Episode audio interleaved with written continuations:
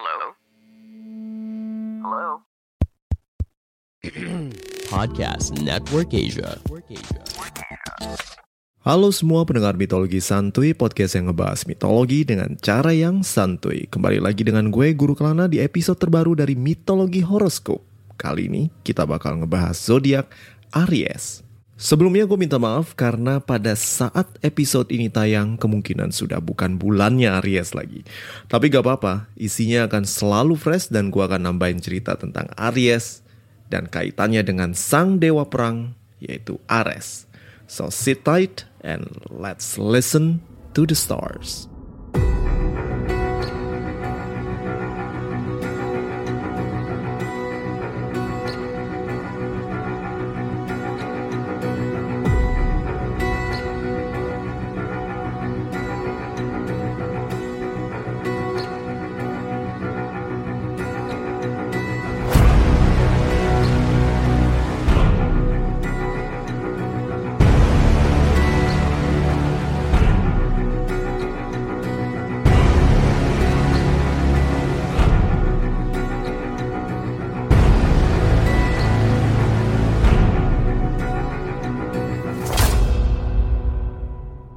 Rasi bintang Aries telah dikenal sejak zaman Babilonia kuno. Bangsa Babilonia telah mencatat tentang keberadaan rasi bintang ini sejak abad 12 sebelum Masehi. Untuk mereka, rasi bintang ini merupakan simbol pekerja di ladang dan kemudian diasosiasikan dengan domba milik dewa Dumuzi, dewa pelindung para gembala. Bangsa Mesir juga telah mengenal rasi bintang domba ini, namun menghubungkannya dengan dewa mereka sendiri, yaitu Amon-Ra, yang berkepala domba. Namun tentu saja, gambaran dan cerita tentang rasi bintang Aries kita peroleh dari mitologi Yunani. Rasi bintang Aries yang namanya berarti domba dalam bahasa Latin, berasal dari objek yang menjadi tujuan utama dari petualangan Jason dan para Argonaut. Buat kalian yang udah ikutin cerita petualangan Jason dari awal sampai tamat, pasti udah tahu objek apa yang gue maksud. Yes, objek tersebut adalah domba emas yang kulitnya kemudian dibawa oleh Jason dari Kolkis menuju Iolcus. Jadi, menurut mitologi Yunani, adalah Prixus dan Hele, dua anak kembar dari Raja Boetia dengan Nefele, sang awan yang diciptakan oleh Zeus dengan rupa Hera untuk menipu Ixion. Pernikahan sang raja dengan Nefele berakhir ketika Nefele akhirnya pergi meninggalkan sang raja dan kedua anaknya. Sang raja kemudian menikah lagi dan sang istri baru mengambil posisi ibu tiri yang kejam untuk kedua anak kembar ini. Ino, si ibu tiri, berusaha menyingkirkan Prixus dan Hele dan mengakali sang raja untuk mengorbankan kedua anaknya untuk mengakhiri wabah kelaparan yang melanda. Sang raja dengan berat hati membawa kedua anaknya untuk dikorbankan. Namun pada saat yang teramat genting, ibu kandung Prixus dan Hele memutuskan untuk mengirimkan bantuan dalam bentuk domba emas. Domba emas ini merupakan anak dari Poseidon dan pri laut cantik bernama Theophane. Kenapa bisa seorang dewa laut yang perkasa dan pri laut yang cantik memiliki anak berbentuk domba emas? Well, ini semua karena ulah Poseidon dan Theophane yang iseng cosplay jadi domba dan bercinta. Hubungan mereka kemudian menghasilkan domba emas yang dikenal sekarang sebagai inspirasi dari rasi bintang Aries menurut mitologi Yunani. Oke, mari kita kembali ke cerita si kembar Prixus dan Hele. Sang domba emas yang bisa terbang muncul dan menyelamatkan mereka dari pisau persembahan ayahnya. Keduanya terbang meninggalkan tanah airnya dan dalam perjalanan Hele terjatuh dan tewas di selat sempit di antara benua Eropa dan Asia yang kita kenal dengan nama Selat Hellespont alias Lautnya Hele. Prixus dan sang domba emas kemudian sampai di kerajaan Kolkis, di mana Prixus kemudian menyembeli sang domba emas dan memberikan kulitnya kepada Aetes, sang raja Kolkis. Di kemudian hari, kulit ini akan kemudian diboyong oleh Jason kembali ke Yunani. Nah, demikianlah cerita tentang mitologi horoskop seri Aries kali ini. Selesai, udah gitu aja. Gue pengen pergi ngebaso dulu. Kenapa? Lu mau denger lagi episode ini kependekan? Hah, banyak maunya nih orang bener-bener dah. Oke dah, gue lanjutin. Anyway, rasi bintang Aries adalah rasi bintang pertama dalam 12 zodiak dan selalu diasosiasikan dengan kepemimpinan dan juga aksi. Karena Aries adalah zodiak api, semangat dan sikap tak sabaran merupakan sifat utama mereka. Hal ini ditambah lagi dengan sifat dari dewa pelindung mereka yaitu Ares. Nah, gue akan nambahin cerita tentang Ares, sang dewa perang yang sifatnya sangat familiar dengan penggambaran zodiak Aries. Ares, Aries. Ya, beda i doang tapi mirip-mirip. Di mitologi Yunani, Ares adalah dewa perang anak dari Zeus dan Hera. Tapi selain dikenal sebagai dewa perang, dia juga adalah seorang kekasih dan juga seorang ayah yang benar-benar sayang pada anaknya. Namun, penggambaran Ares sering sekali digambarkan dengan brutal. Seorang prajurit yang memiliki suatu nafsu akan darah yang tak bisa terpuaskan. Bahkan cintanya terhadap perang dan juga kekerasan sangat merupakan hal yang tidak disukai oleh kedua orang tuanya dan juga dewa-dewa Olympus yang lain. Karena hal inilah dia lebih memilih untuk tinggal bersama suku-suku liar di Trakia yang dikenal sebagai suku-suku yang sangat suka bertarung dan juga suka berperang dengan suku-suku yang lain. Tapi, mitos yang paling dikenal tentang Ares adalah selalu berhubungan dengan sifatnya yang keras dan juga sangat panasan dan tentu saja kisah perselingkuhannya dengan Aphrodite. Kalian semua mungkin udah kenal Aphrodite, sang dewi kecantikan, dewi nafsu, dan juga dewi yang selalu diasosiasikan dengan hal-hal yang indah. Di mitologi Yunani, sebenarnya dia dinikahkan dengan Hephaestus, sang dewa senjata yang juga merupakan saudara tiri dari Ares. Tapi, dalam perjalanan pernikahan Aphrodite dan juga Hephaestus, Aphrodite selingkuh dengan Ares. Jadi sementara Hephaestus sang suami yang rajin bekerja sibuk di bengkelnya siang dan malam, Aphrodite menggunakan kesempatan ini untuk, well you know, having an affair.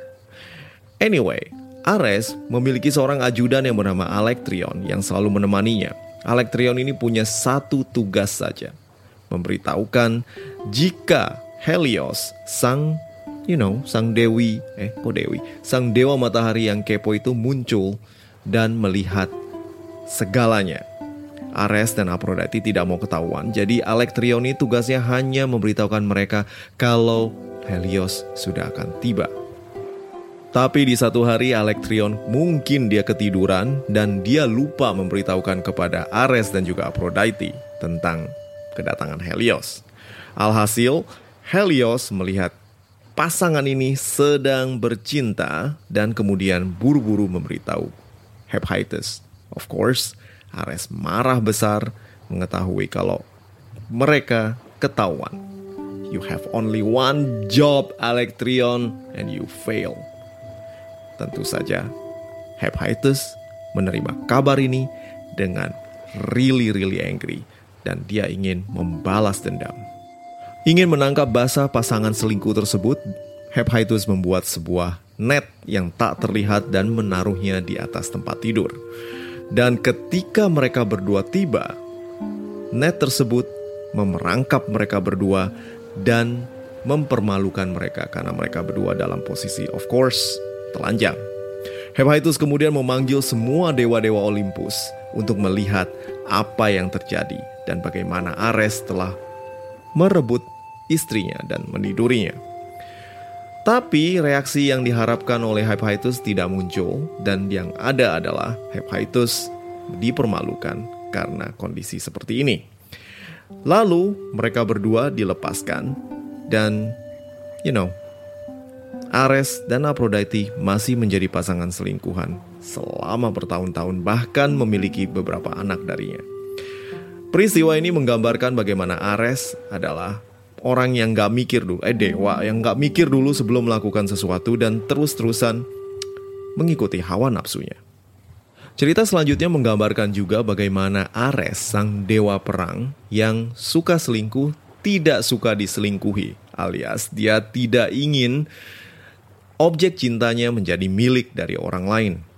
Adalah Adonis, anak dari Raja Syria dan Mira, yang dikenal sebagai salah seorang pria paling tampan dan juga pemburu yang gagah berani. Aphrodite pada satu hari jatuh cinta pada Adonis dan takut akan ada sesuatu yang buruk terjadi pada cem-ceman barunya yang tersebut. Tapi Adonis tidak menghiraukan peringatan Aphrodite dan masuk ke hutan untuk berburu.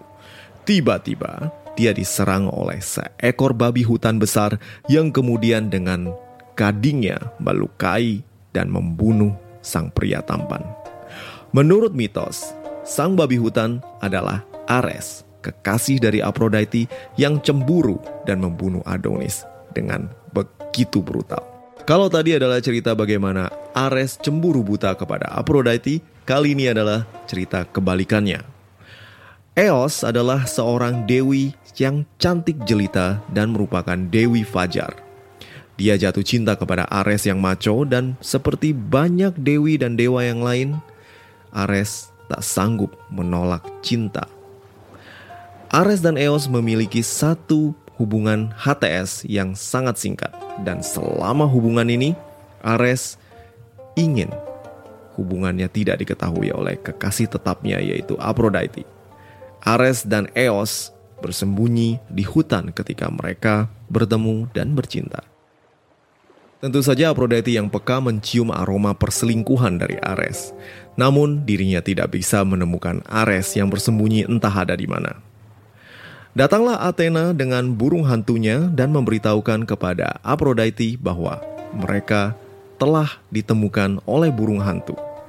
Lalu, dengan segera Aphrodite menggerebek pasangan selingkuh ini dan alangkah kaget dia ketika menemukan bahwa Eos adalah pasangan selingkuh dari Ares.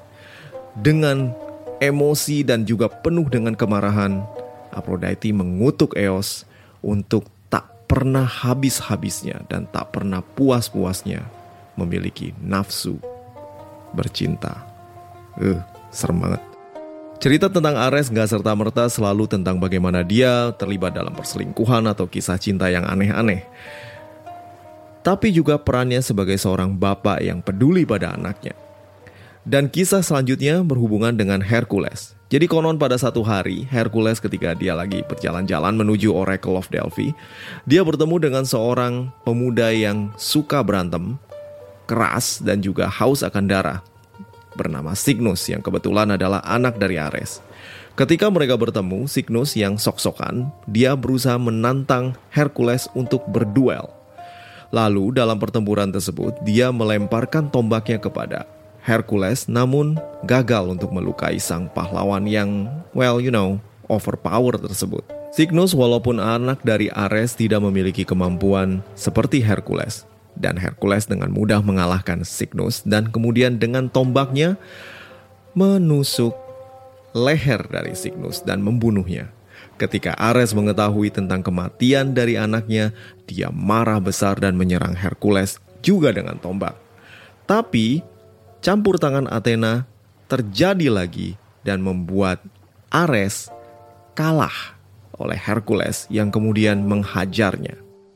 Hercules dengan mudah mengalahkan Ares yang terluka lalu dibawa oleh kedua anaknya Phobos dan Deimos jauh dari Hercules demi keamanannya. Di seluruh mitologi Yunani tidak ada dua dewa yang memiliki perseteruan sehebat antara Athena dan juga Ares. Keduanya walaupun sama-sama dewa perang, memiliki dua peran yang berbeda. Ares adalah seorang dewa perang yang haus akan darah dan selalu menyerang duluan, hanya hidup untuk peperangan dan tanpa memikirkan apa pun yang bersifat dengan perdamaian. Sedangkan Athena adalah dewi yang penuh dengan strategi dan selalu berperang hanya untuk mengakhiri peperangan tersebut. Tak heran kalau dua-duanya sering berantem. Perseteruan mereka bahkan menitis ke dunia nyata dalam bentuk perseteruan dua kota, Sparta dan Athena.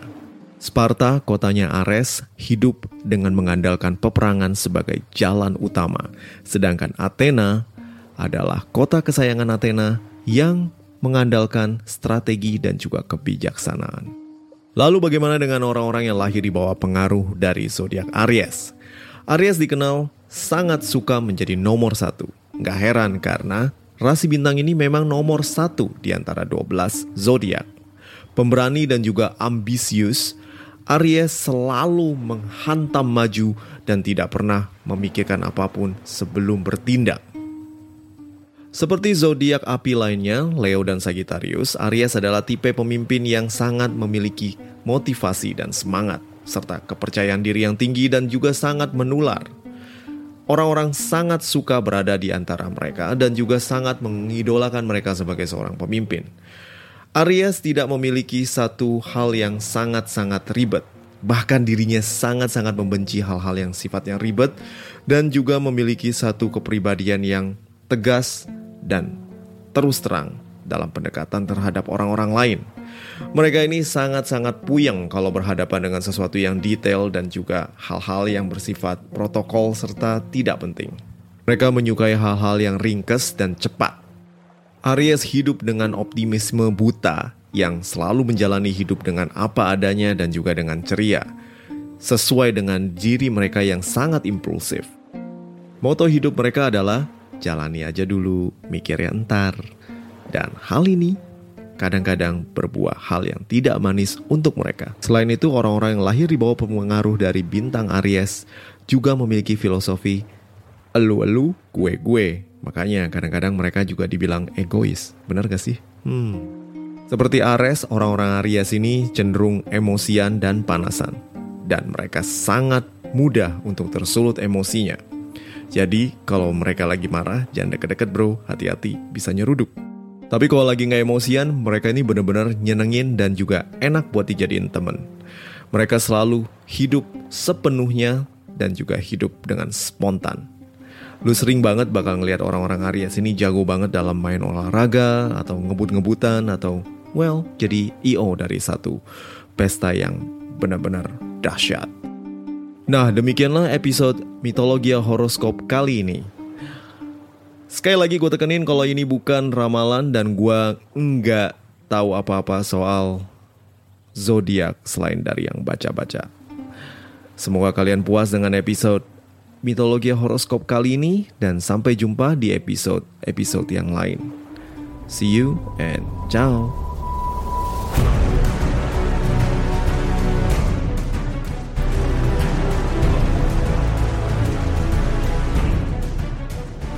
Pandangan dan opini yang disampaikan oleh kreator podcast, host, dan tamu tidak mencerminkan kebijakan resmi dan bagian dari podcast Network Asia. Setiap konten yang disampaikan mereka di dalam podcast adalah opini mereka sendiri dan tidak bermaksud untuk merugikan agama, grup etnik, perkumpulan, organisasi, perusahaan, perorangan, atau siapa pun dan apa pun.